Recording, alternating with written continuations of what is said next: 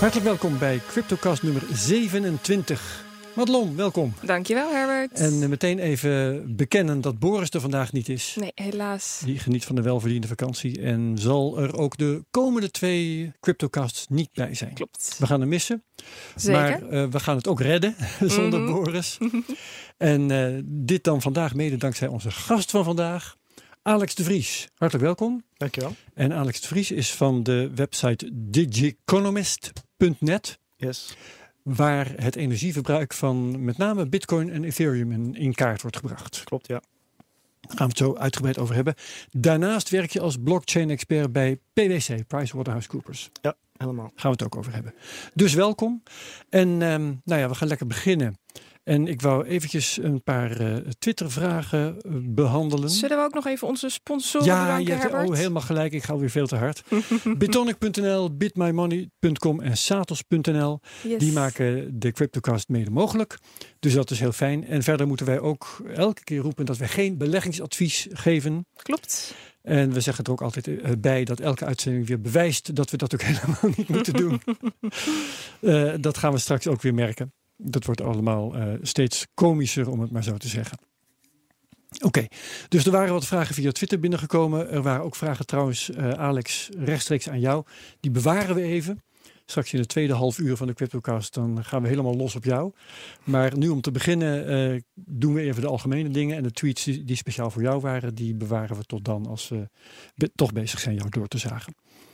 Um, Snorder XRP is een twitteraar en die vraagt...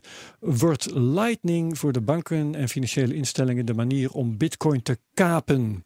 Nou, uh, Madelon, heb jij enig idee um, wat je je daarbij moet voorstellen? Ik namelijk ja, niet. Ik snap wel wat, uh, wat Snorder XRP hier bedoelt. Um, de partijen die veel... Uh, Bitcoin hebben in principe kunnen ervoor zorgen dat zij uh, meer gebruik maken daarvan. Dus ik, ik, ik, begrijp het wel, maar wat je hier eventjes, um, hier moet je wel even een kanttekening bij zetten, want dit is geldt niet alleen voor financiële instellingen, maar ook voor banken. Want het is namelijk zo dat als jij als uh, particulier veel Bitcoin hebt en een deel wil nemen aan het Lightning Network, dus die transacties op gang wil brengen, dan kun je dat als particuliere Bitcoin-bezitter ook gewoon doen. Dus ja mensen die weinig bitcoin bezitten, zouden dat ook kunnen doen. Maar dan is het netwerk wat minder uh, wendbaar. Dus kan er minder bitcoins over het Lightning Network worden van A naar B worden verplaatst. Je kan dus binnen dat payment channel minder bitcoins heen en weer sturen. Dus krijg je daar minder fees voor als kleine bitcoin bezitter. Maar als een grote bank dat zou doen met veel bitcoins in bezit, krijgen zij dus meer fees omdat er meer gebruik wordt gemaakt van hun payment channel. Ja. Dus ik snap het wel, maar of banken dit zouden doen om bitcoin te kapen en daar dan... Mm, nee, zou, zou Hmm. ik niet... Uh, hoe, hoe zie jij dat? Alex. Het lijkt me zeer onwaarschijnlijk dat banken dat uh, zullen doen. Mhm. Uh, je hebt natuurlijk wel al de gevestigde partijen in de Bitcoin-wereld, hè, de, de handelsplatformen die uh, wel wat waarschijnlijker een dergelijke rol Ja. in zouden kunnen nemen. En die platformen zijn uiteindelijk toch weer vertrouwde partijen die we met het huidige bankenstelsel hebben. Dus in dat opzicht uh, kom je wel misschien weer in de buurt. Alleen het is natuurlijk heel erg de vraag. We hebben momenteel geen enkel idee hoe dat zich gaat ontwikkelen. Dat Lightning-netwerk uiteindelijk met al die partijen. Klopt.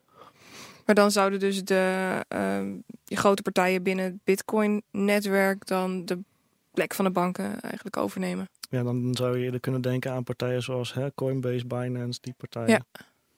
Ja, daar kun je natuurlijk ook aan denken. Het is, het, ik moet zeggen, het appelleert wel aan een angst die ik heb.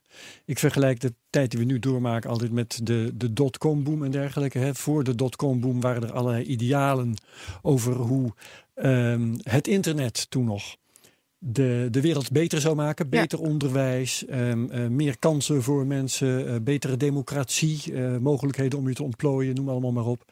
Eigen media oprichten. En wat we hebben gezien is dat grote partijen dat allemaal in bezit hebben genomen en dat nu domineren. Dus het is ook mijn angst, en dat kan ik Snorder wel zeggen, dat, dat grote partijen ook bitcoin zouden overnemen op een of andere manier. Mm -hmm. En jullie zeggen eigenlijk, technisch kan het dus wel. Ja, maar of dat via Lightning gaat gebeuren is nog maar de vraag dan. Ja, maar je hebt Ja. het natuurlijk ook op meer manieren gezien. En niet alleen binnen het afwikkelen van transacties, maar ook een mine schaalvoordelen spelen Ja. altijd een, overal een rol. Ja, precies. En nu hebben we ook uh, in het hele bitcoin systeem hebben we de whales die uh, mogelijkheden hebben om de markt te manipuleren. Dus grote partijen delen toch wel de la lakens uit, zou je kunnen zeggen. Ja. Ja, maar goed, oké. Okay. Snorder, ik hoop dat dat een voldoende antwoord is. Geert Duister, sorry, Geert Duisters met een S, uh, die klaagt. Het is wel even leuk om uh, Madelon, dat moeten wij even bespreken. Cryptocast lijkt, lijkt steeds meer Bitcoincast te worden. Graag mm -hmm. wat meer aandacht voor altcoins. Vind je dat hij een punt heeft?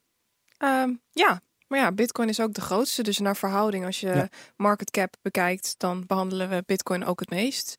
Dus um, ja, ik ben het wel met hem eens. Hoor. We behandelen veel Bitcoin, maar om ieder altcoin specifiek. Uh, het is lastig om je zo, aandacht te uh, verdelen over ja, al die altcoins. Precies, er is en te, zoveel gaande. ervoor te zorgen dat Bitcoin nog tot zijn recht komt. Ja, ja. Zou ik zeggen. Ja, Geert, we zijn ons ervan bewust. Maar ja, first mover, grootste partij.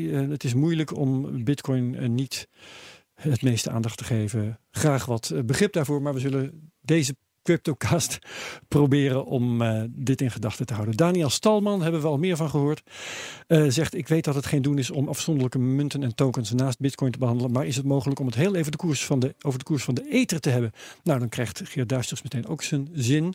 Want de Ether heeft natuurlijk wel geweldige klappen gehad. Zit nu onder de 300 dollar. Ja. Wat zeg jij daarvan, Madelon? 292 dollar op dit moment. Ietsje meer dan vanmorgen. Ja, want uh, Ether bounced ietsje terug, zie ik nu. Maar Ether is wel uitgebroken uit een, uh, uit een falling wedge, hoe ze dat noemen. Ik heb hem er nu snel eventjes bij gepakt. En uh, dat ziet er niet echt positief uit. Nee, nee we gaan nu, uh, voor, voor wat ik zou kunnen zeggen, is dat we weer terug kunnen gaan rond die 3000 uh, dollar. 300 bedoel ik? 300 dollar, ja. sorry. Ik ben even nog in mijn bitcoin modus. Ja, ja. die 3000 gaan we ook meer horen vandaag. rond die 300 dollar, daar, daar zouden we weer naar terug kunnen. dus, en dat komt van 1400, hè? Ja, dat is dus een enorme stijging. Meer dan een factor 4. Ja, ja, ja. zeker. Treurig, maar goed, oké, okay, de ether is besproken. Um, ja weinig uh, positiefs over te melden. Dus. Ja, RSI zit wel heel laag, dus dat zou wel kunnen duiden op een bodemvorming. Maar ja, RSI zou nog lager kunnen. Zit nu op 18 en zou tot in principe tot 0 kunnen. Dus uh, wat dat betreft wel ja. heel laag. Ja, ja, ja, ja. Nou goed, uh, dat was de ether. Um, we gaan naar het nieuws. Ja. Madelon, nee, ik ga het eerst aan Alex vragen. Heb jij voor ons nog een nieuwtje kunnen meebrengen, Alex? Ja, ja zeker. Wat ja. is jouw nieuws? Ja, het meest interessante nieuws van de afgelopen week vond ik dat uh, Bitmain, de grootste producent van Bitcoin mining hardware, heeft dus uh, onthuld dat ze een IPO willen gaan doen ter waarde van 18 miljard. Uh, waarmee de totale waardering van het hele oh. bedrijf op zo'n 40 tot 50 miljard komt. En je zegt een IPO, dus een Initial Public Offering, gewoon een aandelenemissie. Gewoon een ouderwetse public offering, geen token offering. Dus dat is ook alweer grappig. En weet je ook op welke beurs ze dat willen doen, Nasdaq? Uh, dat, uh, dat heb ik niet meegekregen. Okay. Wat ik ja. wel ook nog interessant vond van de onthulling was dat uit de papieren bleek dat Bitmain in het bezit is van zo'n 1 miljoen Bitcoin Cash.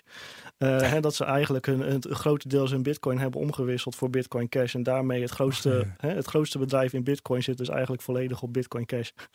Zo, en, en, en uh, wat moeten we daarvan denken? Ik, zit, ik weet, kan het niet direct interpreteren nu, dus help me. Nou, het, het, interessante daarvan is dus, hè, Bitcoin Cash is natuurlijk een afsplitsing van uh, de ja. Bitcoin. De eerste fork was het eigenlijk, ja, hè? Ja, die, die uh, nou, hè, een, zeer, een, een, klein deel van de gemeenschap uh, met zich mee heeft kunnen krijgen. Uh, maar dus wel hè, de, de grootste partij uit Bitcoin achter zich uh, uh, heeft staan. En daarmee zou je dus kunnen zeggen van nou, Bitcoin Cash heeft eigenlijk hè, de meeste financiële middelen achter zich. Of in ieder geval heel veel financiële middelen. Wat natuurlijk wel een, een, een klap kan zijn voor, voor de Bitcoin. Als je het hebt over verdere ontwikkelingen hè, waar er wordt in geïnvesteerd. Ja, de middelen liggen bij Bitcoin Cash. Zou het niet ook een beetje risico indekken kunnen zijn? Mocht het nou misgaan met die Bitcoin, dat ze dan altijd nog die Bitcoin Cash achter de hand hebben? Nou ja, wat ze uiteindelijk hebben, ze verkopen miners die uh, werken op beide netwerken. Dus dat is op zich al uh, heel prettig natuurlijk. Alleen, ja, uh, technisch qua... zijn die het hetzelfde. Hè? Je kunt bij zich een knop omzetten en dan gaan ze ja. de andere coin ja, minen. Ja, ja, want ze werken op hetzelfde algoritme, dus dat maakt verder niet uit. Um, maar hè, als je kijkt naar wat ze, wat ze aanhouden, dan zitten ze dus wel echt vol op, uh, vol op de Bitcoin Cash. Dus ik denk dat ze, als ze op de lange termijn kijken, dan zitten ze toch echt in, in één kant te kijken. Ja, dat is bijzonder. Ja. Um, wat zeg jij ervan, Madelon? Ja, ik vind het wel heel erg, ja, ik vind het heel erg interessant. Um, het feit dat, het, dat, dat, ze 18 miljard willen ophalen, dat is toch wel uh, veel. Een, een krankzinnige hoop geld. Waar zouden ze dat voor nodig hebben, Alex? Nou ja, dat is natuurlijk altijd de vraag. Misschien uh, voor nog meer productielijnen. Of gewoon om zelf rijk te worden. Uh, dat, dat, dat ook. Als je kijkt naar de, de oprichters, hè, Mick Rizan en uh, Ji Heng die, nou ja, die hebben dat bedrijf met z'n tweeën opgericht. Nou, die zouden dan misschien een, een, een, eigen waarde hebben van rond de 30, 30 miljard. waarmee ze meer waard zouden zijn dan Satoshi Nakamoto wanneer hij zijn bitcoin nog heeft. dus, het is echt een shitload of money. Ja. ja. ja. ja. Um, Denk je dat het gaat lukken? Want uh, een bedrijf kan wel bekendmaken dat ze dit willen gaan doen, maar daarmee is het nog geen feit. Ja, nou, en ik denk ook dat ze nog wel even twee keer na zullen denken nu de Bitcoin-koers even in een, in een dalletje zit. Dat hè? ook. Uh, ik, ik, denk dat het voor, uh, voor hunzelf een stuk gunstiger is om op het moment dat de koers aan het stijgen zijn een dergelijke IPO te doen.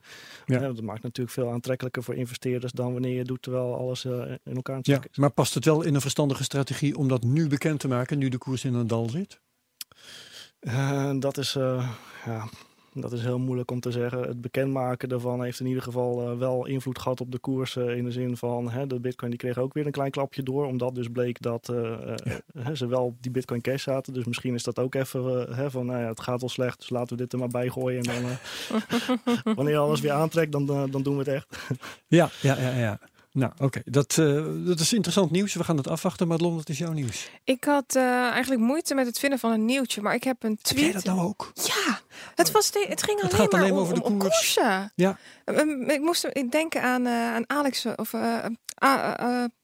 van Weerdem. Wat was het nou? Sorry, um, ik ben het even kwijt. Aaron. Aaron van Weerdem. Ja, ja. Die, die zat hier en die, die vertelde een, een meme in een plaatje over, over een, een duif wat dan op een, ja, op een, stok zit. En, uh, en, en die vertelt, oh prachtig hè, die technologie van blockchain. Maar de koers. Koers, maar de koers, maar de koers. Oh ja, de koers. En dat gevoel had ik deze week. Ik kon alleen ja. maar nieuws vinden over de koers. Dus ja. ik heb... En, en, en, en uh, goeroes die leuteren over ofwel dat de bitcoin deden. toch echt weer de bullish kant op gaat of juist het omgekeerde. Ja, klopt. Niks anders dan dat soort gezeur. Dus ik heb nu een, uh, een tweet erbij gepakt van, uh, van Crypto Michael, die we hier ook in de show hebben gehad. En om nou um, gelijk over de altcoins te beginnen. Um, in deze tweet staat, die is van 14 augustus, hoeveel de altcoins zijn gedaald ten opzichte van hun all-time high. Ik weet niet of Geert Duisters dit leuk gaat vinden. Dat vraag ik me af. Ja. Maar um, we zitten gemiddeld rond zo'n 95% daling met ja, de, de top, uh, even kijken, 15 altcoins. Ja. Die zijn vanaf hun, uh, hun all-time high allemaal ongeveer 95% gedaald. Sommige zelfs 98%. Dat is verschrikkelijk. um, ja, Neblio 98 toevallig en Lisk 95. En uh, ja, noem het allemaal maar op. Ik ja, noem dit ja, een bloedbad. Dat is het zeker. Um, ja, Crypto Michael die, die verwacht dat zodra Bitcoin weer aantrekt, dat de alts dan ook weer, weer rustig aan gaan oplopen. Maar ik moet het eerst nog maar eens zien. Wat we de laatste weken zien is dat als, als bitcoin zakt, dan, uh, dan dalen de alts harder. Nog harder. En als bitcoin stijgt, dan, dalen de, dan stijgen de alts minder hard. Ja, dus, dus ik weet het niet meer Wat er ook gebeurt. Nee, precies. nou ja, we hadden vorige week, uh, uh, de gast van vorige week, en de naam ontschiet me, je helpt me eventjes. In ieder geval, die zei, de, de alts moeten nog maar een paar dollar waard zijn. Eerder geloof ik het niet. Ja, ja. Die moeten en eerst. allebei uh, niet op de naam komen. Wat verschrikkelijk is dat? Cryptocast. Madelon zoekt het op. In ieder geval, terwijl jij dat doet, uh, zal ik met mijn nieuws komen. Ik heb er, uh, omdat ik het zo dun vond, heb ik maar even twee erbij gepakt. Um, in dat was Jan Willem. Jan Willem Burgers. Jan Willem Burgers ja, van Capgemini. Sorry Jan Willem. Ja, elke week een gast, dan is het moeilijk om ze allemaal op een rijtje te houden. Dat blijkt maar weer. Ja. Uh, dus die zeiden als uh, die gaan helemaal naar God eigenlijk. Daar ja, kwam het op neer. eigenlijk en allemaal peercoins, feathercoins, ja. uh, namecoin. Daar moest ik een beetje aan denken toen ik dit, toen ik dit ja, zag. helemaal. Goed. Mijn nieuws is in de eerste plaats, ik zal ze kort behandelen, dat Venezuela officieel die petro gaat gebruiken als officiële currency in het land. Nou, dat ja, is hun, ja, hun fantasie, cryptocoin. Uh, heb jij daar een mening eigenlijk over, Alex? De, de petro van Venezuela? Ja, uiteindelijk is dat nog steeds een, een munt die gelinkt is aan, zoals de naam al aangeeft, uh, Venezuela, hè, aan de vat olie. olie. Ja. Uh, ja. En uh, ja, nou ja, goed. Uh, gegeven de situatie die ze daar hebben, is alles beter dan de huidige Bolivar. uh, met, ja. met duizenden procenten inflatie. Uh, ik kan me ook voor voorstellen, dat is trouwens ook een land waar je prima gebruik kan maken van een bitcoin. Als je het al, als je het al hebt over de bruikbaarheid van cryptogeld, dan moet je vooral in Venezuela kijken. Ja. En we moeten toch aannemen dat, dat de Venezolaanse bevolking verstandig genoeg is om de bitcoin te gebruiken en niet die rare petro. Ja, wat verstandig is, is uh, natuurlijk uh, uh, moeilijk. Je, ik weet niet hoe de situatie daar is, hoe makkelijk het is om aan diverse valuta's te komen. Ik kan me voorstellen dat ze echt graag van hun papieren bolivars af willen en dat ze alles met, met open armen zullen ontvangen. Of het nou petrocoins of bitcoins zijn of wat dan ook. Al zijn ja. papieren dollars, vinden ze waarschijnlijk ook nog steeds prima. Maar heel eerlijk, die, die petro is toch gewoon een scam? Ja, nou in, in mijn ogen wel. Het schijnt um, dat, dat die vaten olie gewoon nog in de grond zitten. Nee, maar weet je, precies. Um, als uh, uh, die petro is zogenaamd gedekt door, door een vat. Elke petro is gedekt door een vat olie. Ja. Uh, maar ja, weet je, vroeger was de dollar gedekt door goud. Maar dat goud dat lag wel gewoon in een vastgestelde hoeveelheid in, in de kluis van de Amerikaanse bank. Ja. Um, oliereserves, die, ja, dat werkt gewoon niet op zo'n manier. Er, er, is een geschatte oliereserve en die kan zo groot zijn, of minimaal zo groot, maximaal zo groot. Die uh, vaten olie je kan niet in mijn je coin inleveren en dan precies duidelijke voorraad die ergens te vinden is. Ja. ja. Nou, het klinkt echt als een, als een wanhoopsschip. Er is geen vertrouwen in het financiële stelsel. Dus proberen we maar dat te herstellen door het aan iets te linken. En het maakt niet eens heel veel uit wat, als het maar iets is. Nou, in dit geval olie. Uh, ja, en ik, wil, ik wilde in ieder geval de aandacht erop vestigen dat dit gebeurt. Hè. Die petro wordt een officiële currency in Venezuela. En dat is uh, voor ons interessant om dat in de gaten te blijven houden. Ja. En dat gaan we dus doen. Het andere was... Uh, oh ja, even, even teruggrijpen naar heel lang geleden. Toen, uh, want ik, nou goed, ik ben oud genoeg om de opkomst van internet in de jaren negentig te hebben meegemaakt. En ik presenteerde toen een radioprogramma over internet van de Tros. En ik werd ook wel geïnterviewd over dit soort dingen. En ik heb toen ooit eens me laten ontvallen. Het internet is pas echt geaccepteerd als er in liedjes over e-mail gezongen wordt. Nou, het was binnen de kortste keren was dat het geval. Want uh, Double Date, geloof ik, zong, zong op het Songfestival over een e-mail from Berlin. maar oké, okay. nu uh, heb ik het nieuwtje dat er een speelfilm in de maak is. Uh, de titel is Crypto. Met in de hoofdrol Kurt Russell. Uh, daar wordt over geschreven op inverse.com en ik zal dat in de show notes zetten. Maar er is dus een speelfilm over crypto in de maak. Uh, de makers hebben echte crypto-deskundigen. Ja, weet je, het wordt waarschijnlijk net zoiets als de meeste films waarin over hacking iets wordt gedaan. Hè, waarin, waarin hacking een onderdeel is van het verhaal. Dus ik heb er geen enkel vertrouwen in. Kurt Russell is ook niet trouwens de acteur waar ik dan het eerste aan zou denken voor, om, als het een goede film zou moeten worden. Maar dat is dus het geval. In 2019 moet hij uitkomen. Maar en is dit dan... kijkt nu heel moeilijk. Ja, is dit dan een, een, film die dan een waar gebeurd verhaal vertelt? Of is dit dan echt gewoon nee, fictie? Het is, het is fictie. Uh, ja, dus het is geen documentaire. We hebben hier al meerdere documentaires besproken. Hè? Um, die rond uh, John McAfee natuurlijk. Maar ook uh, die geld, hoe heet het ook alweer, van, van Vice? Ehm, het geldspel. Het geldspel, ja. precies. En er waren er wel meer. Ja, Tegenlicht was een hele goede. VPRO. Ja. Precies. Dus documentaires hebben we genoeg. Mm -hmm. um, maar dit wordt fictie, het wordt een verhaal, het wordt een spannende film. Nou. En ik denk dat we er heel hard om zullen lachen. Maar uh, laten we de, de, kans geven. En in 2019 gaan we gewoon met z'n allen naar de bioscoop. En nemen in de bioscoop een CryptoCast op. Zullen we dat doen, Madelon? Ja, gaan we doen. Oké, okay, uh, dat is het uh, nieuws. En we zijn toe aan jouw prijsanalyse. Ja, de prijsanalyse. Het is heel spannend geweest deze week, hè? Heel spannend. Poeh. Oh, dat ik hier überhaupt nog, uh, nog rechtop zit. Ik moet zeggen, ja. ik had het wel, uh, wel, wel lastig Het gekke is, hij gaat van dag tot dag sideways, zoals dat heet. Maar, maar binnen een dag kan het nog veel harder op en neer gaan dan, dan in de week eigenlijk. Ja, klopt. Ik, ik gaf vorige week aan van nou, uh, er is grote kans dat we teruggaan naar die 6000 dollar. Mhm. En wellicht ook wel die 5800. En we zijn inderdaad behoorlijk terug geweest. Ja. We hebben echt, nou we zijn net 5800 90 hebben we aangeraakt ongeveer ja. op deze exchange. Dus we zijn er net onder geweest. Maar ja, we, we, vormen nu een bodemformatie en ik zie geen kracht in de markt. Ik zie het niet. Mm -hmm. Terwijl ik wel nu het gevoel heb dat we toch over die 6500 heen moeten breken. We moeten toch echt omhoog. Maar als ik naar mijn RSI kijk, dan zie ik dat de RSI alweer behoorlijk hoog zit. Maar dat de koers gewoon ja, nagenoeg niks doet. En Ja. ja, we krijgen behoorlijke klappen. ehm, als ik kijk naar de vier uur grafiek, eh, ja, zie je dat de candles enorm spiken. Maar Nee. mijn, mijn, mijn, mijn hoop begint wel een beetje ja, weg te zakken. Ik hoop echt nog dat we teruggaan naar die 7400. Maar ik heb geen glazen bol. En Nee. ik kan niet in de toekomst. Ik had het, pardon, ik had het heel graag gewild, maar ik kan gewoon niet in de toekomst kijken. En ik, ik, weet, ik, ja, ik weet het gewoon nu niet. Nee, en ik, ik lees overal dus, eh, wat ik net al zei, van goeroes die bullish signs menen te zien. En ik lees het al niet eens meer, want dat roepen ze al volgens mij een half jaar bijna. Ja, we hadden wat positieve divergentie en we gingen daardoor ook iets omhoog, maar niet hoger dan de vorige top. Dus, dus dat had wel gemoeten en, en dat gebeurt niet. En we zitten nog steeds in het patroon waarvan eh 63% eh, ja, van deze patronen neerwaarts uitbreekt. Oeps. Dus er is nog, ja, de, de kans is nog niet. eh, Ja. ja. Alex de Vries, heb jij een mening over eh, welke kant het zou kunnen opgaan vanaf hier? Ja, De prijs voorspellen blijft moeilijker dan het weer voorspellen. Maar eh, wat, je, wat, je, wat je ziet is natuurlijk eh, het hele jaar zit eh, Bitcoin en alle, alle cryptocurrencies eigenlijk al in een negatieve trend. Ja. En eh, zeker zoals je nu ook merkt, hè, de nieuws de laatste tijd gaat vooral over de koers. Ja, er, is- er, is, er is niet iets waar je op kan bouwen op dit moment. Nee. Eh, wat, wat mij wel opvalt, want je zegt negatieve trend.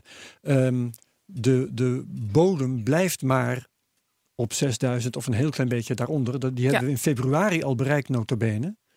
En significant daaronder zijn we niet gekomen.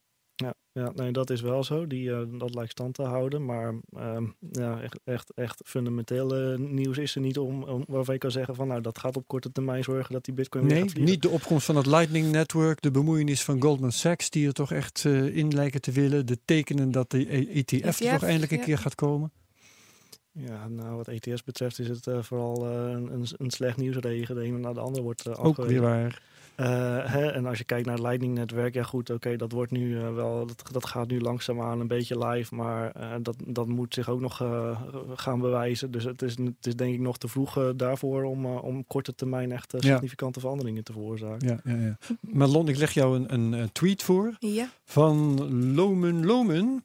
Ik kan er ook niks aan doen.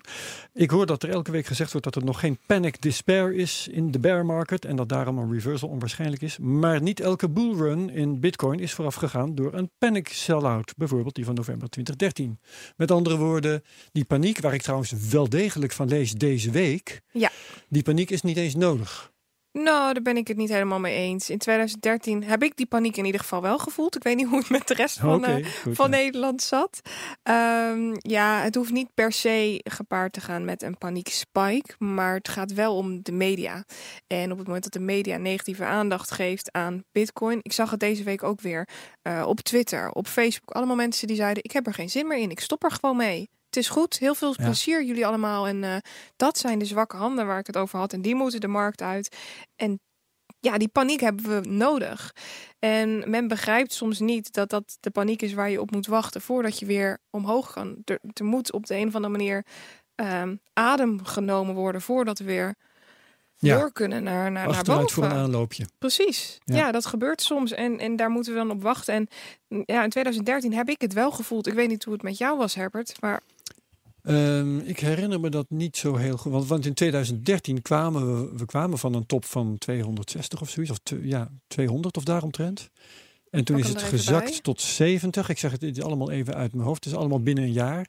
ja, dat was de en toen eerste ging het als een raket omhoog. En ik herinner me niet dat er toen verschrikkelijk veel paniek was eigenlijk. Nee, maar dat kan ook aan mij hebben gelegen hoor, dat ik niet goed oplet. We hadden toen eh, ja, tegen de 1200 dollar zaten we aan. En binnen een eh, één dag zijn we naar eh 800 dollar teruggegaan. Ja, dat is de paniek van eh, eind november, begin december 2013. Ja. maar die paniek hebben we deze december al gehad. Ja, klopt. En daarna hadden we een bodem. En dat is een, eh, een koers waarbij we binnen één dag, dat is de allerdiepste bodem die we hebben gezet, gingen we van één dag van 433 dollar naar eh 333 dollar. Dus dat is op zich wel een substantiële paniekspike. En dan heb ik hier Hmm. nog eentje waarbij we van eh 260 dollar naar 150 dollar gingen. En dat is het laagste punt wat we, wat we hebben gehad. Dat was eh, december tw- 2015 of zo. Dat was ehm, januari. In, even kijken, 2015. Ja, klopt. Januari 2015. Januari 2015. 15 Oké. januari 2015 Ja, ja, was ja, dat. ja. Dus dat is, eh, 105, dat wist ik niet eens dat het zo laag is geweest. het is de allerergste bodem. Maar toen, toen was er ook gewoon geen aandacht meer en geen nieuws meer. En vanaf daarna ging het heel rustig weer, weer steady omhoog. Maar die paniek hadden we niet gezien en die paniek zag ik deze week wel. Ben jij het En, eens, ehm, Alex, met Madelon dat we paniek nodig hebben voordat het weer omhoog kan? Of ben je het eens met eh, Lomen Lomen, als ik me goed herinner, dat het ook wel zonder paniek kan? Het is altijd heel moeilijk om dat, eh, om Ja. dat in te schatten. Maar ik denk dat eh, in, in, in principe wat je hè, uit de markt wil hebben, zijn de grote partijen die eh, hè, met, met twijfel zitten of ze nog door willen gaan of niet. En elke keer als de koers een beetje omhoog uh, krijgt, dat uh, uitstappen.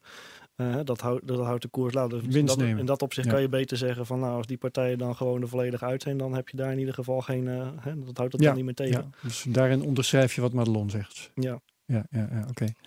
Ehm, beleggingsspel. Ja, Ja, nou, laat ik eerst met de billen bloot gaan. Want het kan eh, elke week toch weer lager, eh, mensen. Vorige week had ik een all-time low van 303,75. Eh, nu heb ik een nieuw record gevestigd. 256 eh, dollar en 12 cent. En ja, ik ga niet alle altcoins apart benoemen. Want jij hebt net al een overzicht gegeven, Madelon, van het slagveld.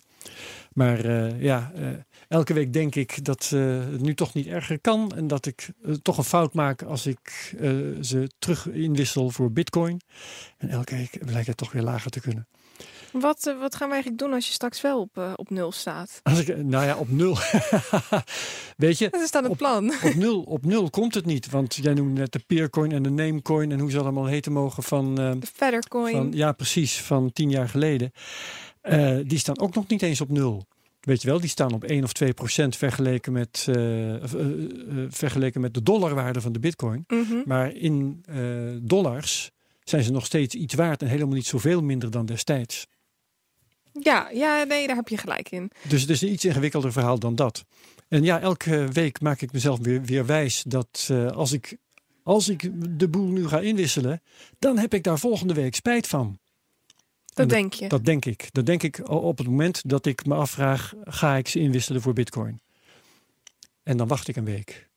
Oké. Okay. En dan krijg ik weer een deksel op mijn neus. Ik heb dan dus precies het tegenovergestelde gedaan. Ik had het al Vertel. vorige week verteld. Ik heb uh, behoorlijk wat verlies genomen vorige week. En ja. uh, ik ben behoorlijk wat in Bitcoin gegaan. Daarna ben ik bijna volledig uit Bitcoin gegaan. Ook nog. En zat ik behoorlijk in, in fiat. En ik heb nu nog. Uh, even kijken, 136 dollar en 71 cent in bitcoin. En voor de rest zit ik in fiat.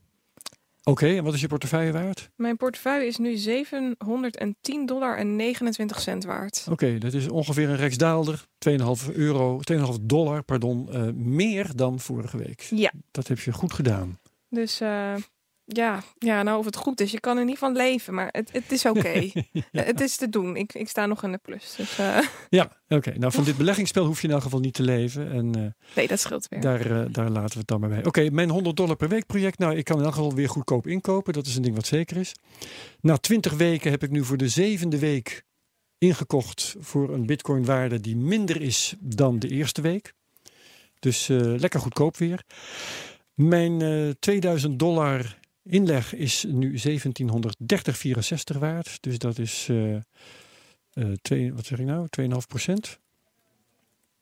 Ik ben, nee, 10 procent ruim minder. Ja, ik wil zeggen. Ja, ja, ja. ja. Uh, 10, 13 procent ongeveer minder waard dan de inleg. Mm -hmm. um, en ik vind dat helemaal niet verkeerd. Dat bewijst eigenlijk wel dat het, uh, deze manier van beleggen in bitcoin vrij robuust is. Maar dat is ook mijn hele punt wat ik elke week eigenlijk maak. Ja. Als de koers stijgt, dan uh, ben ik boven Jan. En als de koers daalt, dan koop ik lekker goedkoop in. Heb je er dan nu een goed gevoel bij? Ik als je heb dit een dan uitstekend zo gevoel bij. Ja, ja, ja, ja. Okay. En ik heb dit ook in, heb ik uh, eerder al eens verteld. In de werkelijke wereld heb ik dit al eens meegemaakt. Want toen in 2008 geloof ik de aandelenkoers uh, naar de kelder gingen. Toen heb ik op dezelfde manier regelmatig ingekocht. Mhm. Lager, lager, lager. En uh, voelde me daar goed bij. En op een gegeven moment gingen de koersen weer terug omhoog. En uh, toen kon ik tegen, tegen winst aan uh, zitten kijken. Ja. Dus uh, Ja. vroeg of laat komt dat goed. Dat hopen we. Het is tijd om uh, met Alex te gaan praten. Yes. Fijn dat je er bent. Je bent er al, je bent al aanwezig geweest door commentaar te geven op dingen. En ik wil je eigenlijk maar gewoon de vraag stellen die we bijna elke gast hier als eerste stellen. Wanneer heb jij voor het eerst gehoord van, van Bitcoin en ben je ermee gaan bezighouden? Hoe voor het allereerst was waarschijnlijk rond, uh, rond 2010. Ik weet nog dat de Bitcoin koers was op dat moment rond, uh, rond de 5 dollar. Geweldig. En uh, nou, die was toen uh, net flink omhoog gegaan. Dus toen had ik zoiets van, nou, hè, ik ben net te laat om in te stappen. ja, geweldig. Ja, ja, ja. Uh, dus dat heb ik toen ook niet gedaan.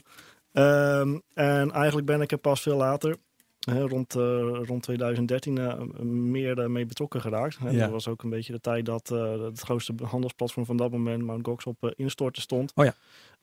Nou, dat, was, dat vond ik dusdanig interessant wat daar allemaal gebeurde, dat ik ja, eigenlijk de, de wereld ingekropen ben. Ik ben mijn eigen blog gestart en ik ben maar gewoon gaan schrijven met het doel mensen enigszins te informeren over wat er allemaal omgaat in die cryptowereld en hopelijk mensen ook te behoeden voor Ja. eventuele verkeerde Ja. beslissingen. En kwam daar toen een groot publiek op af op die blog van jou? Um, nou, in eerste instantie niet zoveel, hè, maar zo, zo gaat het met, met bloggen. In eerste Ja. instantie heb je misschien 10 uh, 10 bezoekers per dag. Nou, daar moet je het mee doen. En uh, van, van lieverlee uh, de aanhouder wint. Ja. Uh, hoe langer je blijft zitten, hoe meer het wordt. En hoeveel werden het er? Intussen zit ik op uh, zo'n uh, duizend per dag. Ja, dat is een uh, hele mooie score. Ja. Ja, en kun je daar ook van... Nou ja, je hebt een baan bij PricewaterhouseCoopers, maar uh, levert het ook inkomsten op? Nee, nee, niet, helemaal Nee. niks. Maar, er, maar staan, je- er staan advertenties op de website. Dat zijn allemaal Google advertenties. Daar kom je Ja. eh, 50 euro per maand krijg je eruit. ja, precies. Ja. Ik, ik ken, ik ken de getallen. ik Dus heb ook nog eens zoiets gedaan. Dus dat, uh, nee, daar Ja. kan je niet van leven. Maar dat uh, betaalt in ieder geval voor de onderhoudskosten van de, van de blog zelf. Ja, en het is leuk om te doen. Ja. Dat Ja, is, daar eh, gaat het vooral om. Dat is waarom je het doet, ja. Ja. ja. Ehm, maar intussen ben je toch ook eh, beroepshalve met... eh, nee, eigenlijk wil ik, wil ik wel eh, eh, meer over, over eh, je blog weten. Want die heet Digiconomist. Ja. Heette die vanaf het begin zo?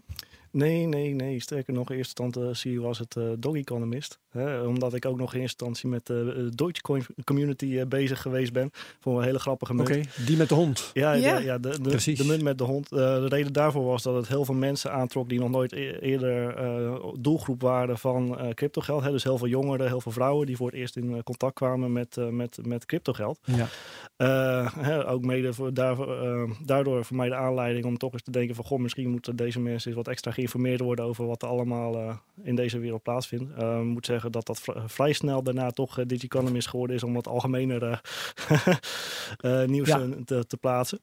Um, en uh, zeker de, de laatste jaren ligt uh, de nadruk toch echt op het, uh, met name het energieverbruik van, uh, van, van de crypto. Precies, Mhm. ja, daar gaan we het zo uitgebreid over hebben. Maar eerst nog eventjes, de, de, wat je in die Dogecoin uh, zag, dat was dus vooral een soort PR-instrument om een groot publiek bij crypto te betrekken. Uh, nou, vooral een instrument om een nieuw publiek uh, te Ja. bereiken. Hè? Omdat juist allerlei nieuwe, nieuwe mensen uh, naar binnen kwamen. Heb ik net al zei, de jongeren, de vrouwen die voor de eerste eens een keer dachten van... God, dit is wel interessant. daarvoor was vooral de mensen die, nou, hè, toch, toch mannen die rond de 40 jaar zaten, zaten vooral in bitcoin. En de, daarbuiten was het niet zo heel veel. Dus dat was een beetje het, het kantelpunt wat, wat dat betreft. Nou, tegenwoordig zit iedereen in de crypto's, maar goed, dat is Ja. een ander verhaal. Ja. Dus ja, dat was toen echt de, de manier om, denk ik, eh, de, het nieuwe publiek van dat Ja. moment te bereiken. Maar eh, kijk, kijk jij wel eens naar die Dogecoin eigenlijk? Vind je dat een uh, Ik dacht Munt dat dat een die shitcoin was. de Ik durf het bijna niet zo hard te zeggen, maar Nou, het heeft niet zoveel natuurlijk. Hè. Het werd vooral gebruikt als... uh, als, als uh, uh, het, het, was gewoon een hype op dat moment. Ja, Hè. het was een enorme hype dat ik dacht, waarom gaat iedereen daar naartoe? Wat, wat, Ja. wat moet men daarvan? En Ja. ik ben er ook toen, ik was op een gegeven moment helemaal anti-altcoin. Expres doordat ik dacht, het is gewoon onzin. Ja, nee, ja, juist dat, de, de, de motivatie achter het opzetten van de munt was vooral... Uh, ik geloof dat de oplichters wilden aantonen dat als je maar... Uh, het maakt niet uit wat je er deed als je gewoon... Je, Ja. een, hey, je plakt er een hond op en uh, er komen vanzelf mensen op af. Ja. Dus dat was een beetje het punt wat ze probeerden te maken. Ja, dat was het Uh, en dat klopte nog ook. Ja. Uh, maar voor mij ging het dus vooral om, het, om een nieuwe publiek wat daarop afkwam. En ja, de, de, toch enigszins de, de, de, de wens om, om dat publiek ook uh, op een goede manier uh, kennis te laten maken met de, met de omgeving. En en, te behoeden voor alles wat daarin plaatsvindt. Juist omdat, hè, nou ja, goed, als je al op de cryptomunt afkomt, omdat er een leuke hond op zit, dan ben je waarschijnlijk al, uh, dat, dat, dat is misschien al wat uh, zwakker. misschien zeg maar, een iets andere doelgroep. Ja, ja. Hè, want dan gaat het je dus niet echt om van wat zit er nou achter de techniek, maar dan gaat het je om, oh, leuk, ja, er staat een, een, een, hond op dit muntje. Ja, maar goed, oké, besef je wel, dit is een wereld waarin toch wel wat kwaadwillende partijen zitten, die, die het liefst jouw muntjes zo snel mogelijk van jou aftroggelen. Ja. Uh, dus ja, dan, dan, dan heb je toch ook meer de behoefte van ja, oké, okay, kijk, kijk, kijk vooral even op deze blog voordat je uh, gekke dingen gaat doen met die muntjes. Ja. Ja, wanneer uh, is jouw oog gevallen op het energiegebruik van Bitcoin en trouwens ook Ether inmiddels als een belangrijk probleem, een belangrijk aspect van het geheel? Nou, dat was uh, eigenlijk in 2015. Uh, en toen had ik zelf een artikel gelezen wat op Modderpoort stond. En daar had, had, iemand op de achterkant van een servetje berekend dat een enkele bitcoin-transactie net zoveel energie gemiddeld nodig had als een Amerikaans huishouden over een, een anderhalve dag. Nou, ja. uh, toen ik dat voor het eerst las, toen, uh, toen zakte mijn broek af. uh, toen had ik zoiets van, oké, okay, waarom lees ik dit nu voor het eerst en waarom schrijft er verder niemand over? Hè? Want ja. als je dan informatie gaat zoeken, dan vind je eigenlijk verder helemaal niks. alleen maar, nou ja, um, in ieder geval geen live informatie, geen recente informatie. En ook geen, eigenlijk geen hele goede kwa kwaliteit informatie. Uh, dus toen had ik zoiets van, nou, uh, ik vind het toch wel een, een belangrijk iets. Want ja, een bitcoin-transactie, dan gaat het dus om van, goh, ik stuur, ik stuur jou misschien een kwart bitcoin. En dan heb je dus over het energieverbruik wat een, wat een huishouden een anderhalve dag kan ondersteunen. En heb je ja. Amerikaans huiders zijn nog grootverbruikers ook. Ja, inderdaad. Dus, dus dat, dat, dat, dat, dat klonk voor mij wel als, als, een, hè, als, een, als een potentieel heel groot probleem. Ik dacht van, ja, dat, daar moet gewoon wat meer aandacht op gevestigd worden. En als verder niemand dat doet, dan doe ik dat zelf wel. Dus ik ben uh, daar uh, veel meer uh, aandacht aan gaan besteden. Heel veel onderzoek gedaan naar hè, hoe, hoe, kan je nou op een goede manier een, een, een goede informatievoorziening hiervoor maken. Ja, want hoe, hoe, hoe deed je dat uiteindelijk? Hoe, hoe kom je aan je bronnen, aan je informatie? Nou ja, uiteindelijk is het gewoon uh, vooral heel veel. Uh, nou, dat het, het, het, makkelijker was dat er be beperkte informatie beschikbaar was. Er was nog niet zo heel veel on onderzoek gedaan, dus je hoeft niet zoveel te lezen. De andere kant moet je zelf wat meer nadenken over hoe ja, ga je het dan wel doen. Ja. ja. um, Want op, op dit moment staat op jouw site, op digicolumnist.net, staat een, een Bitcoin Energie-index. Ja. En die zit in de buurt van, ik geloof, 1 terawattuur. Wat dan uh, het Bitcoin-netwerk jaarlijks opsoepeert, geloof ik. Hè? Is dat, uh, nou, zeg maar 73 terawattuur. Dus dat oh, 73 ja. ja. ik, ik heb hem niet voor mijn neus. Dat maar is nog ietsje, ietsje jij meer. weet het uit je hoofd. Uh, ja. Ja, en daar zit hij overigens op dit moment redelijk uh, vast op. En dat komt omdat uh, ik, ik ben uh, van origine ben ik econoom. En ik heb dus ook op een gegeven moment bedacht van, nou ja, goed, als je nou naar dat Bitcoin-netwerk kijkt, er zijn een paar waarden die we kunnen meten. Enerzijds kunnen we een schatting maken van de totale rekenkracht van het netwerk. Ja. Nou, dat biedt ons leuke informatie. Hè? in de zin van, je kunt er op, op basis daarvan kun je een, een minimum inschatting doen over hoeveel dat netwerk nou gebruikt. Want wat je dan doet, is je pakt de totale rekenkracht en je deelt het door de, hè, de meest efficiënte machines wat die hebben aan rekenkracht en weet je het energieverbruik van. Hè? Dus dan kom je vanzelf op een minimum uit. Maar goed, dan stel je al snel vast van ja, uh, het, het, hele netwerk draait niet op de meest efficiënte machines. En dan heb je ook nog te maken met andere factoren zoals koeling die niet eens onderdeel zijn van de rekenkracht. Ja, maar die uh, ook wel energie kosten. Die ook uh, ja. behoorlijk wat energie kunnen kosten zelfs.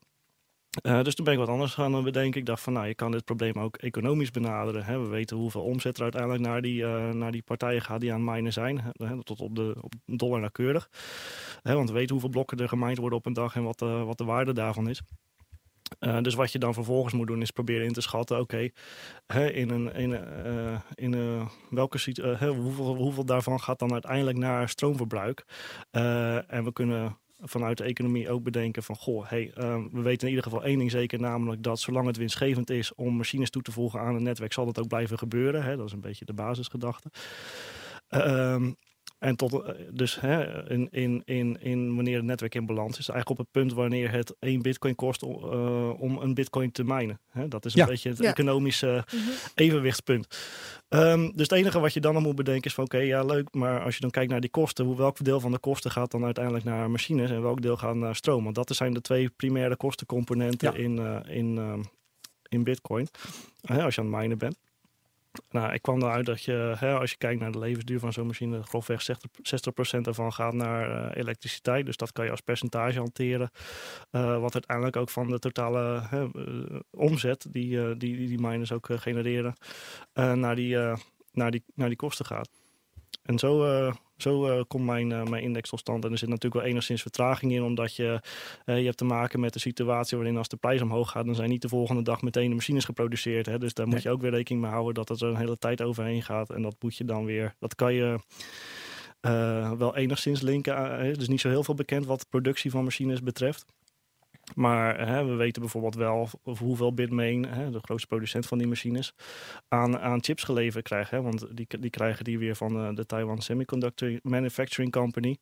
En die zijn heel erg open over hoeveel ze leveren aan Bitmain. Dus daarvoor kan je weer uit afleiden wat is hun productiecapaciteit. Hè, wat kost er nou, hè, hoeveel tijd gaat er nou gemiddeld overheen tussen een prijsstijging uh, en wanneer uiteindelijk al die machines geleverd zijn. En daar maak je dan dus een formule van? Ja, dat alles bij elkaar wordt dus uh, een, een, een formule die uiteindelijk dus tot die, uh, tot die in, uh, index leidt. Dus aan de ene kant, er zitten twee elementen in.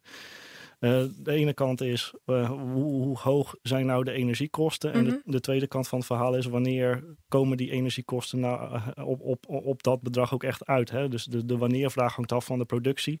En de andere kant is gewoon puur economisch. Ja, maar goed, het is een, een uh, ja, de analyse van een econoom, hè, dat herken Ja. ik daar dan Ja. wel in, Ja. om, om tot uh, die getallen. Je doet het ook voor Ether. Ja. Ehm, waarom ook voor Ether? Waarom niet voor nog meer coins? Nou, dat heeft er vooral mee te maken dat uh, de, zowel de Bitcoin en de Ethereum samen zijn de grootste proof of work uh, coins. Hè? Dus Ja. de grootste coins waarop uh, gemined wordt. Dus als je al gaat kijken naar Litecoin, dan zie je al dat het, dat het energieverbruik significant minder is, omdat er simpelweg minder omzet is voor de miners om uiteindelijk te besteden aan energiekosten. Ja. Um, hè, dus dat in dat opzicht is denk ik ook heel logisch. Um, ik ben dus wel bezig geweest met Litecoin ook. Maar uh, ja, dat is uh, een bijkomend probleem is dat de informatievoorziening daarvoor ook een stuk slechter is. Mhm. Okay, uh, ja. hè, als je kijkt naar andere naar altcoins, zelfs de Bitcoin zelfs en de Ether daarvoor uh, om alle informatie binnen te halen die je ook echt nodig hebt. Het wordt ook veel werk. Ja, ja, ja. Uh, dat, is, dat is gewoon buitengewoon hè, de informatiebronnen. Je moet allerlei links leggen met allerlei platformen die, informatie voorzien. En uh, nou ja, die zijn ook niet heel stabiel. En zeker voor de altcoins is het gewoon heel moeilijk stabiele informatie ja, te krijgen. Even voor mijn beeldvorming. Misschien schoffel ik nu je hele verhaal onderuit hoor. Maar is het niet gewoon hartstikke logisch dat het heel veel stroom kost om Bitcoin nu draaiende te houden? Ja. Bitcoin is nog zo uh, jong. Het bestaat nog maar acht jaar. Um, we hebben bijna nog geen ontwikkeling doorgemaakt. Uh, we zien nu dat er pas ja, wat, wat, wat, wat dingen worden bedacht, wat, waardoor de stroomkosten misschien lager zouden kunnen uitvallen. Maar dat is er allemaal nog niet. Het is, zit allemaal nog in het vat. Als ik bijvoorbeeld kijk naar de eerste computer, dat was een mega ding. De eerste telefoon, die kon je niet eens meenemen. Ja. Nu hebben we allemaal zo'n klein mobieltje in ons zak, wat, wat echt gewoon waar je een dag mee kan. En, en ja. is dat niet straks ook het geval met, met Bitcoin en blockchain? Of kan dat überhaupt niet doordat um, ja, door, door het systeem wat erachter zit? Nou, het systeem wat erachter zit is gewoon uh, enorm uh, hongerig voor uh, energie. Als je kijkt naar Bitcoin doet ongeveer zo'n 2, 3 transacties Mhm. mm -hmm. per seconde. Uh, maar als je dan kijkt wat er op de achtergrond gebeurt, hè, de, die miners voeren zo'n 50 uh, triljoen berekeningen per seconde uit, iedere dag non-stop. Dus dat is een, een ratio van 25 triljoen tegen, twee, uh, tegen één transactie. Ja. Um, nou, dat, dat ratio kan je misschien wel iets verbeteren, maar dat gaat, dat gaat nooit uh, perfect worden. Je hebt, je hebt gewoon um, hè, dat, dat proof of work algoritme, dat is gewoon een, een, een energieslurpend iets. Ja, en ik begrijp steeds dat je dat ook wil, want je wilt ja. dat het heel moeilijk is Tuurlijk. om een alternatieve blockchain uh, Ja. uh, Ja. in de markt te zetten, zeg maar. Ja, nou ja, het, het, het, het moet ook energie slurpen, of althans, nee, dat moet niet per se. Maar wat je nodig hebt, kijk, waar, waar, je, waar je mee te maken hebt in een blockchain-netwerk, is het is een gedistribueerd netwerk. De, het Bitcoin-netwerk is een open netwerk, dus iedereen kan daar vrij aan deelnemen. Ja. Dus ook kwaadwillende partijen. Ja. Dus wat er moet gebeuren is, er moet uiteindelijk een, een, reden zijn waarom dat de meerderheid van dat netwerk eerlijk is. Hè? Ja. En Mhm. uh, de reden is uh, op dit moment in Bitcoin, omdat als jij kwaad in de zin hebt, dan moet jij dus heel, heel veel aan die energie, je moet heel veel hardware hebben in de eerste plaats en dan ook nog eens heel veel aan die energie betalen. Uh, dus Je ja. moet harder kunnen rekenen dan alle eerlijke mensen bij elkaar. Ja. Dat is toch waar het op neerkomt. Ja, Ja. dus dat kost je gewoon ontzettend veel geld. Dus in, de, in dat opzicht is er uh, wel een, een, een, een, een uitdaging voor een kwaadwillende partij om uiteindelijk ook echt Ja. kwaad te doen op, zo, op dat netwerk. Netwerk. En dat is noodzakelijk, want je hebt dus gewoon een openbaar netwerk wat gewoon heel, waar heel veel waarde in zit. Dus ook een incentive is voor slechte partijen om uh, maar ja, kwade acties uit te voeren op dat netwerk. Ja. Maar dan zou het dus niet mogelijk kunnen zijn om daar gewoon een laag omheen te bedenken of een, of een hoes omheen, een andere vorm om Bitcoin alsnog met minder stroom goed te kunnen laten functioneren. Uh, die, dat alternatief is er zeker. Want wat uiteindelijk moet gebeuren is, je, je, zit dus met dat netwerk waarin hè, computers, uh, uiteindelijk wordt het Bitcoin-netwerk gedraaid door een, een, een, netwerk van computers. Al die computers zijn bezig met het volgende blok voor hè, die onderliggende Bitcoin-blockchain. Mm -hmm.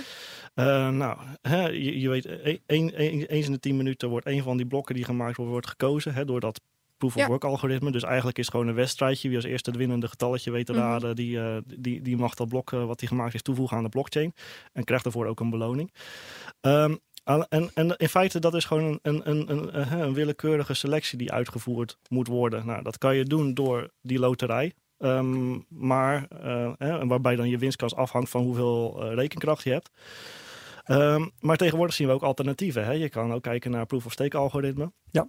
Die zijn uh, in opkomst. En nou, die, uh, daar, daar hangt je winstkans niet zozeer af van hoeveel rekenkracht je hebt, maar is het meer afhankelijk van hoeveel geld je hebt. Uh, en speelt rekenkracht dus eigenlijk geen rol. Dus dat is veel energiezuiniger dan dat, dat algoritme wat achter de bitcoin zit. Um, nadeel daarvan is dat dan de vraag wordt van ja, is dat nou uiteindelijk wel zo, zo veilig als het proof of work algoritme? Hè? De proof of work heeft de, de tand destijds aardig doorstaan. Bitcoin draait al sinds 2009.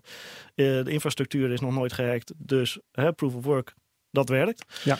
Uh, en proof of stake, dat, uh, dat zijn nog steeds uh, ja, algoritmen die, die ontwikkeling zijn. En waarvan men toch zoiets heeft van, god, die moeten zich nog steeds meer bewijzen voordat ja. we echt... Ja, absoluut. ja, ja, want, want ik heb bijvoorbeeld nog alle tweets voor jou. een zekere Henk met een Q. Ja. Uh, die zegt, uh, als iemand een alternatief zou vinden, is natuurlijk toe te juichen. Maar jaren puzzelen hebben vooralsnog niets werkbaars opgeleverd. Bij Proof of Stake is een van de problemen dat alle coins uiteindelijk in de handen van de stakers komen. Um, does that make sense? Nou, Proof of Stake heeft wel meerdere theoretische zwaktepunten. Hè? Dus het feit dat je, uh, je moet uiteindelijk wel een, een, een kostencomponent uh, hebben. Hè? Het moet, het, als, je, als je kwaad in de zin hebt, moet het jou iets, iets kosten. Want ja. anders, anders heb je een, een, nou, een vrijbrief om maar gewoon je gang te gaan. Uh, hè, dus daar wordt ook weer aangewerkt in Ethereum, waar ze dan ook weer een andere variant bouwen op Proof of Stake ja. met de naam Casper, waarbij je... proberen uh, Ethereum probeer, proberen ze op dit moment om te bouwen, zeg ja. maar, hè, naar meer Proof of Stake en minder Proof of Work. Ja, maar die hebben dan ook wel weer ingezien dat Proof of Stake niet het ideale algoritme is, omdat ze dan toewerken naar een hybride model. Uh, dus uh, dat is dan weer uh, wat minder positief ja. als je kijkt naar. Maar, maar is het, is het want die veronderstelling die lees ik dus in de tweet van Henk. Is het zo dat bij Proof of Stake alle coins uiteindelijk in de handen van de stakers komen? Is, gaat daar uh, het geld naar degene die het al hebben, om zo te zeggen? Nou ja, de, kijk, uiteindelijk krijg je daar een, een, een beloning die, uh, wat, wat dan weer een percentage is afhankelijk van hoeveel jouw uh, inleg is. waarschijnlijk ja. in de meeste gevallen. dus wie meer heeft, krijgt meer. Ja. En krijgt daarmee ook meer te zeggen. Dus daar, ja. daar, daar zou je kunnen zeggen van nou, daar heb je misschien een, een beetje onbevredigend. ja, um, dat, dat heb je dus eigenlijk met heel. Kijk, ik denk ook dat je zou kunnen stellen van als we het perfecte alternatief hadden, dan, dan zou Bitcoin daar misschien al op draaien. Ja. Uh, dus die, ik denk dat we kunnen stellen van nou oké, okay, die, is er, uh, die is er op dit moment nog niet. En uh, op korte termijn gaat die er waarschijnlijk ook niet zijn, omdat Ethereum dus ook toewerkt. Hè? De Ethereum is toch een gemeenschap waar toch behoorlijk wat slimme koppen zitten.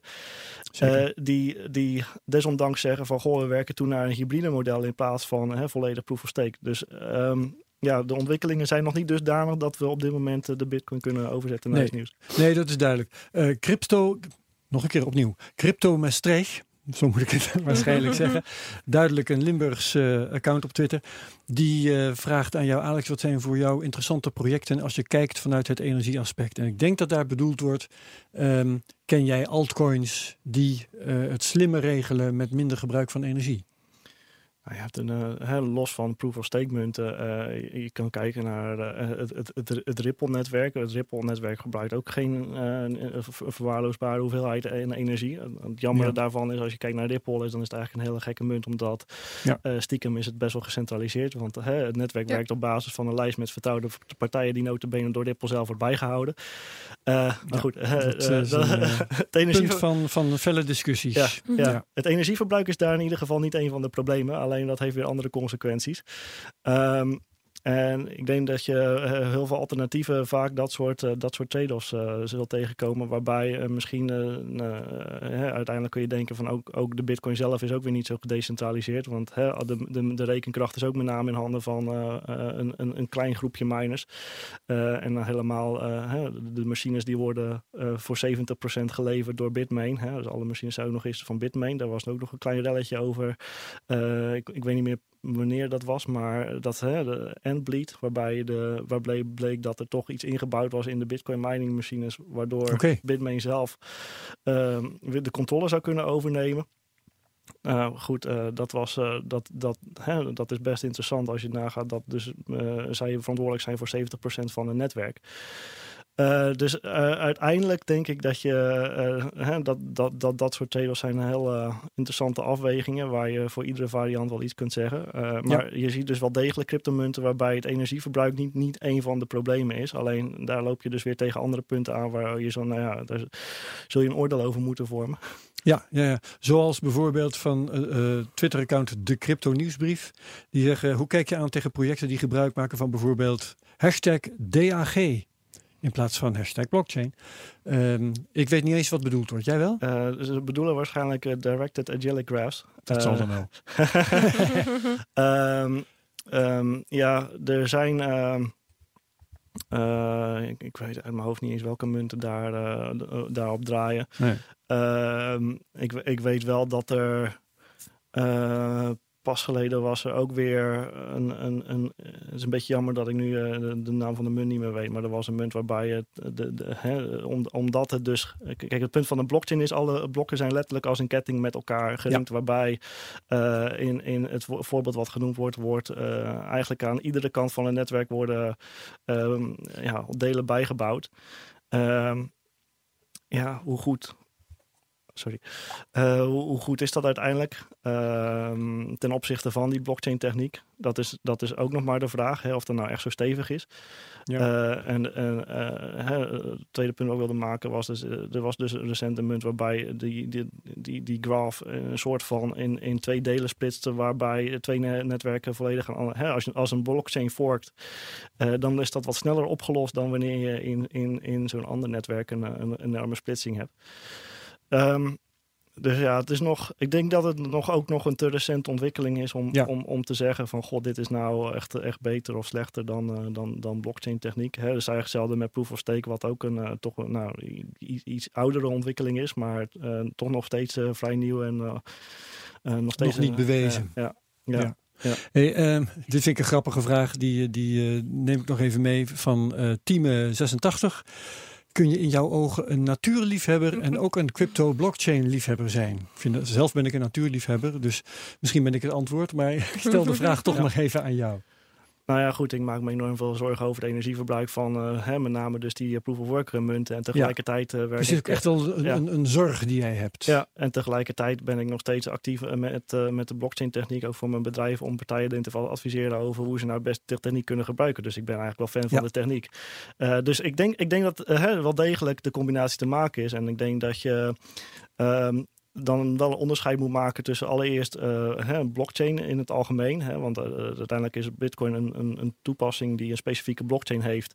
Uh, waarbij als jij een, een bedrijf aan het runnen bent en je wilt een blockchain gebruiken, dan kun jij jouw eigen blockchain-omgeving maken. Dat betekent dat jij kunt opteren voor een netwerk zoals bijvoorbeeld de Ripple, waarin energieverbruik totaal geen, geen probleem is. Ja. Hè, dus in dat opzicht kan je best. Keuzevrijheid. Ja, ja, ja. ja je hebt de, het is gewoon software. Je hebt verschillende keuzes die je kunt maken. En uh, nou, ik, eh, sterker nog, zeker in bedrijfsnetwerken is het niet eens logisch om proof of work te gaan gebruiken. Dus, dus daar heb je eigenlijk dat energie... Want te duur. Um, is dat uh, kort samengevat? Nou ja, waarom, waarom zou je... Uh, hè, dan, dan, dan, ga je met uh, wat partijen onderling in concurrentie over de, over de rekenkracht die je in een netwerk hebt. Ik denk dat het veel logischer is om... Hè, wat Ripple heeft is al een lijst met vertrouwde partijen. Hè, ik denk dat als je een afgeschermd netwerk aan het maken bent... dan kun je prima met, met een dergelijke lijst werken. Waarbij je dus gewoon een geselecteerd aantal deelnemers hebt... die elkaar dus in, in ieder geval beperkte mate vertrouwen. ja, nou, precies. Binnen... Ja een, een, een bedrijfstoepassing, ja. um, dan mag het best een beetje gecentraliseerd zijn ook. Het hoeft, het, het, uh, ja, alleen je moet wel rekening. Kijk, dat is uiteindelijk dan de vraag die je daar dan uh, gaat ontwikkelen. Is, uh, is het uiteindelijk nog wel een beetje in, in lijn met wat de oorspronkelijke blockchain-gedachte was? Of heb je toch een volledige centrale database per ongeluk gemaakt? Ja. En dan, had je, dan had je het niet hoeven doen. dus dat, ja. is dan, dat is dan iets wat je. Wat je dat zijn de risico's. Hè? Dus aan de ene kant het leuke van keuzes die je kunt maken met de software. Is dat je dus niet per se een, een energieslurpende blockchain hoeft neer te zetten. Aan de andere kant van het verhaal is dat je uiteindelijk nog wel even moet checken dat je echt een blockchain hebt. Uh, ja. uh, dus dat, dat zijn die kanten. En dan als je puur naar de cryptomunten zelf gaat kijken, ook daar um, zie je dus al, er zijn gewoon cryptomunten. Nou, ik noemde dus al de Ripple een paar keer. je hebt andere cryptomunten zoals NXT, die draaien proof of stake. Nou, de, de, het energieverbruik is daar dus niet een van de problemen. Alleen um, wordt dan wel de vraag, uh, hè, welke problemen hebben ze dan wel? Hè? Dus je kan best ja. als natuurliefhebber in die munten uh, gaan zitten, hè? want dan heb je dus niet zo'n groot energieprobleem. Uh, alleen is wel even verstandig om goed onderzoek te doen naar waar je dan wel in investeert. Want de, de, ongetwijfeld krijg je er iets voor terug waarvan je denkt van is, is dit wel wat ik, wat ik wil? Misschien in termen van veiligheid of anderszins. Ja. Um, Madelon, jij nog vragen over uh, de, de coins en dergelijke aan Alex? Want anders stappen we over naar het blockchain onderwerp en uh, werk bij Pricewaterhouse. Als een proof of stake of proof of work niet zozeer. Nee. nee. Oké, okay, um, ben jij door je werk aan je blog terechtgekomen bij je huidige werkgever? Uh, niet, niet door mijn blog. Uh, ik heb mede um, door mijn blog wel bij mijn huidige uh, werkgever natuurlijk een, een, een, een nadrukkelijke rol gekregen in, in, oh, dit ja. gebied. Um, dus uh, nee, ik, ik ben oorspronkelijk daar uh, als data-analyst uh, komen werken. Dus dat had, dat had verder niet een, een blockchain-gerelateerde aanleiding. Nee, en na, naarmate ze doorkregen wat jij in je vrije tijd deed, kreeg je werk andere accenten. Ja, ja, ik ja, ja, zeker. Ik ben steeds meer tijd aan gaan besteden aan het onderwerp blockchain, totdat ik eigenlijk alleen nog maar de tijd besteed aan, aan het onderwerp blockchain. Uh, uh, met het werk wat ik in mijn vrije tijd uh, doe er nog eens naast. dus wat dat betreft doe ik 200% blockchain. Ja. Want wat doe je nu precies bij PwC? Nou, daar gaat het vooral om hè, klanten in eerste instantie informeren over de techniek. Hè. Je ziet dat er nog steeds in de markt, hoewel het wel, hè, intussen heeft men wel een idee bij wat de blockchain techniek is en wat het betekent, maar er is nog steeds heel veel vraag van ja, hoe, hoe kunnen we nou to, toch nog de vraag hoe, wat is het nou precies en hoe kunnen we dat nou het beste inzetten voor, mm -hmm. uh, voor ons bedrijf. Um, dus in eerste instantie is het vooral heel veel, heel veel voorlichting. Ik denk ook heel veel, uh, het is ook heel veel meedenken over hè, waar, waar zouden we deze techniek nou echt concreet voor in kunnen zetten. Um, nu zie je tegenwoordig wel dat zo langzaamaan uh, gaan er toch bepaalde toepassingen ook live. Hè. Er zijn afgelo afgelopen jaar flink mee geëxperimenteerd. Er zijn wat proof of concepts gebouwd.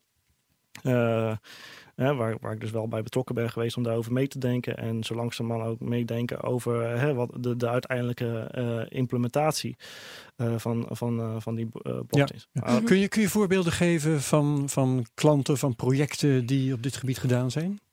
Uh, nou, ik denk de, het grootste wat we hebben lopen bij, bij PwC op dit moment is denk ik de, onze blockchain oplossing voor de voedselketen. Mm -hmm. He, wat daar uh, uiteindelijk gebeurt is dat we uh, in plaats van uh, digitale munten op een blockchain zetten we ja, varkens of koeien DNA op een blockchain. He, animal protein zoals dat dan mooi genoemd wow, wordt. Yeah. waarbij in eerste instantie zo'n zo, zo, zo, zo dier krijgt een, een, een smart tag in zijn oor, wordt al bloed afgetapt. Op basis daarvan kan je een DNA profiel genereren en daar kan je weer een identifier maken die je op een blockchain zet. Wat mogelijk maakt dat je uiteindelijk dat dier over de hele voedselketen volgt. Hè, als, zolang, als, iedereen daar dan, als iedereen daar dan meedoet. Je hebt een DNA-afdruk, dus je kunt van elk stukje vlees, bij wijze van spreken, kun je terugvinden of je van dat beest is geweest, ja, ja of nee. Ja, ja inderdaad. En wat heb je daar dan aan? Nou ja, de, de voedselketen is op dit moment natuurlijk uh, eigenlijk uh, zeer beperkt transparant. Kijk, als jij, als jij in de winkel staat en je koopt uh, biologisch vlees, dan is mm -hmm. maar de, de, nou, dan weet je één ding zeker, namelijk dat je meer betaalt voor biologische vlees. ja. maar, maar of het dan ook echt biologisch is, dat is nu. nou ja, er zijn, hè, er zijn uiteraard wel certificaten die, die daarvoor gebruikt worden. Maar... Wat die stempel biologisch inhoudt, dat vraag ik me soms inderdaad ja. wel eens af. Kijk, wat er, wat er, wat er gebeurt is, het, het, het, nou, je, je hoort de meeste interessante Wildwest verhalen waarbij er soms gesteld wordt dat er uh, twee keer zoveel biologische citroenen ge ge verkocht worden als dat ja. er geproduceerd worden. Ja. Mm -hmm. uh, Onderweg worden ze steeds biologischer op een of andere manier. Ja. Goed, uh, als je de keten een stuk transparanter maakt, dan zou je dat probleem in ieder geval voor een deel op kunnen lossen. Maar dan weet je dus of zo'n koe, wat, voor, wat voor voer zo'n koe heeft gehad. Dan weet je of ze bepaalde... Um, toevoegingen hebben gedaan aan het vlees, of er water toegevoegd is, of er conserveringsmiddelen toegevoegd zijn wanneer het dier geslacht is. Dat zijn alle dingen die je dan dat zou, je zou allemaal, kunnen zien. Dat zou je allemaal vast kunnen leggen en dat zou je dus ook transparant kunnen, kunnen maken voor eindgebruik. Ik denk dat in eerste instantie vooral uh, de, de, de supermarkten zelf uh, een, een, groot belang bij hebben. Want elke keer als er een keer een voedselschandaal is, dan zie je dat uh, de supermarkten de, die mogen de schappen legen. Die krijgen de hoon van de maatschappij ja. over zich heen. Mhm.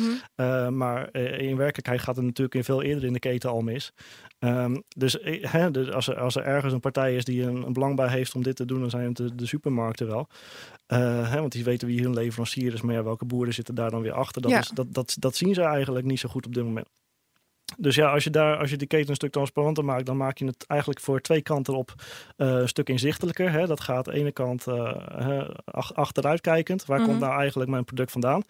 En wat is daarmee gebeurd? Uh, andere, andere kant op kun je ook zeggen van nou, hey, voor de boeren wordt het ook een stuk transparanter waar hun product heen gaat. En uiteindelijk hoeveel er nou eigenlijk verkocht is en hoeveel er nodig is. Want dat zie je ook, een van, de, een van de effecten die je in de voedselketen hebt, is dat er in iedere laag, in iedere stap van de keten wordt te veel geproduceerd voor de volgende stap. Ja. Omdat je niet precies weet hoeveel de vraag gaat zijn. Dus er is enorm veel overproductie. Daar hadden we het vorige week met Jan Willem over. Um, is blockchain daar dan wel de oplossing voor? Moet dat dan per se middels blockchain? Of kan dat ook via een andere Een goede database. manier? Precies. Ja. Nou, een goede database is een goede oplossing op het moment dat er vertrouwen is tussen de partijen. Ja. En als er één ding niet is in de, in de, in de voedselketen, dan is het vertrouwen. uh, dus daarom zien we dat eigenlijk als uh, de, de ideale plek voor een, een blockchain-oplossing. Juist omdat hè, we, we hebben, nou, okay, je, je, hoeft niet eens lang te wachten. Je hebt schandaal na schandaal uh, tegenwoordig. Hey, fipronil, kalven, kalven die verkeerd geregistreerd worden om ja. maar, paardenvlees. Eieren. Ja. Het, het, het, het, houdt niet op. Dus blockchain is uiteindelijk een toepassing die het goed doet in een omgeving waar gewoon een gebrek aan, aan vertrouwen is. Als je, als je in, een, in een ecosysteem zit waarin alle partijen gewoon perfect vertrouwen hebben in elkaar, dan moet je vooral niet aan een blockchain beginnen, zeggen wij altijd. Ja. Dan moet je gewoon lekker één partij aanwijzen die, die het uh, mag gaan doen. Hè, als intermediair en die we allemaal vertrouwen. Um, maar als dat niet mogelijk is, hè, dus in zo'n voedselketen waar gewoon het wantrouwen tot op een hoogtepunt gestegen is, dan is dat de ideale broedplaats voor een, een blockchain-oplossing. Eh, waarbij nog wel de randvoorwaarde is dat uiteindelijk de, de partijen eh, ook echt eh, die, die, die, die, die, die, die, transparantie willen hebben. Mhm. Hè, want je kan om meerdere redenen ook denken van, nou, misschien is die transparantie toch net even iets te veel. Hè? Als ik meerdere leveranciers heb, ik betaal de ene 50 per product, de ander 60 per product. Ja, dat dan vind ik niet zo leuk als ze dat van elkaar weten. Hè, met name die van ene die 50 betaalt die kan wel eens gaan klagen. Ja. Of die 50 krijgt. ja, precies. Uh, dat is duidelijk. Um, tot slot, want we zijn alweer zo'n beetje door de tijd heen. Um, wat, wat vind jij van blockchain toepassingen de voornaamste, of van, van blockchain als, als techniek de voornaamste beperking? Of, of anders gezegd, waar uh, moet je het vooral niet gebruiken? Um, nou, ik denk dat je het vooral in. Uh, kijk, in heel veel omstandigheden zien we dat uh, het, het, het, het uh, benodigde wantrouwen eigenlijk. Hè. Ik bedoel, ik zei net al van ja, je, je, moet, je moet gewoon echt een hoog wantrouwen tussen verschillende partijen hebben. Wat in veel gevallen gewoon niet, niet dusdanig hoog is dat je er niet met elkaar uit kunt komen. Hè. Dus dan denk ik vooral van ja, doe dat, ja. nou, ga, ga, doe dat nou gewoon een stuk efficiënter. Maak een gedeelde, grote gedeelde database met elkaar. Hè, die, die techniek die heb je waarschijnlijk al, want ieder bedrijf heeft al een database, die betalen al voor hun Oracle licenties en noem maar op. Uh, dus dan hoef je niet nog eens een keer heel moeilijk te gaan doen met, uh, met een blockchain. Uh, dus, eigenlijk zie je best wel situaties waar het niet per se van toepassing is. ik denk trouwens sowieso dat um, in, in, in onze Nederlandse maatschappij het, het, het, wantrouwen tussen verschillende partijen best wel laag is. Hè. Ik denk dat als je kijkt naar andere plekken, misschien Oost-Europa, uh, waar wel corruptie en dergelijke wat hoger is, dat je daar ja. ook, ook wat meer, uh, uh, wat, hè, dat dergelijke omgevingen wat meer geschikt zijn voor, voor een, een blockchain toepassing. Ja, of de kledingbranche. ja, nou, de toepassing die ik noemde, hè, dat gaat dus vooral over, over traceability, hè, dat je die varkens kan volgen over de hele keten. Nou, je kan het ook toepassen voor, voor kleding. En een van de eer, eerste toepassingen daarvoor was misschien wel Everledger, waarbij dat gedaan werd met diamanten om aan te tonen dat het geen ja. bloeddiamanten Mhm. zijn. Ja, ja, He, dus dat, dat gaat allemaal over de traceerbaarheid van, van een bepaald product. He, dus met, met, met, kleding wil je dat er geen kinderarbeid bij betrokken is. Ja. Uh, uh, bij diamanten wil je dat geen bloeddiamanten zijn. Bij, bij, bij uh, wat je eet wil je uiteindelijk gewoon zeker weten dat hetgeen wat je ook eet ook echt is wat, wat erop staat. Ja. ja. Dus dat zijn allemaal, uh, dat zijn allemaal hele goede toepassingen wat, uh, wat blockchain betreft. Alleen, uh, ja, het is gewoon heel. Um, He, dus bu buiten uh, dat soort omgevingen wordt het toch al uh, snel wat moeilijker. He, kijk, je ziet ook dat banken experimenteren met een, een, blockchain om uiteindelijk misschien Swift te vervangen. Ja. nou, dat is niet eens per se omdat ze Swift niet vertrouwen, maar vooral omdat Swift heel, heel duur is. Nou, dat is ah, Oké, ja, ja, ja. ja. er zitten best wel wat kosten aan. En omdat het met Swift nog wel eens misgaat. Het, het gaat inderdaad met Swift zeker het afgelopen jaar nog wel eens wat mis. Dus dat we, wat dat betreft nemen we vertrouwen wel iets af. Mm hè, dus dan, dan, dan heb je wel een, een blockchain uh, use case. Alleen is die niet dusdanig. Hè? Het, het, het, vertrouwen is niet volledig weg als in de situatie van die voedselketen. Dus daar, daar heb je ook verschillende gradaties in van ja, hoe groot is nou de behoefte uiteindelijk echt aan, aan, aan eh, die blockchain en hoe ver kunnen we dat ook met een ander systeem nog, nog oplossen. financieel verkeer is natuurlijk uiteindelijk wel iets wat je wel goed wil regelen met elkaar. Ja. Uh, dus het is wel belangrijk dat als je een partij vertrouwt, dat die het ook echt goed kunnen. uh, maar goed, het is nog even de vraag hoe dat dan uh, precies eh, vorm gaat krijgen. Er zijn nog open vragen, dat is duidelijk. Ja. Heb jij nog vragen, Madelon? Nee, dat was het. Oké, dan uh, dank ik Alex de Vries heel hartelijk. Succes met Digi Economist en succes met je werk bij PricewaterhouseCoopers. Yes, dankjewel. Madelon, dankjewel. Yes, jij bedankt Herbert. Ja, Boris zou ik bedanken, maar die uh, wensen we gewoon een Boris, prettige vakantie. vakantie. Die is nog even twee weken weg. Yes. Uh, dit was de CryptoCast nummertje 27. Heel graag tot de volgende keer. Dag. Doei doei.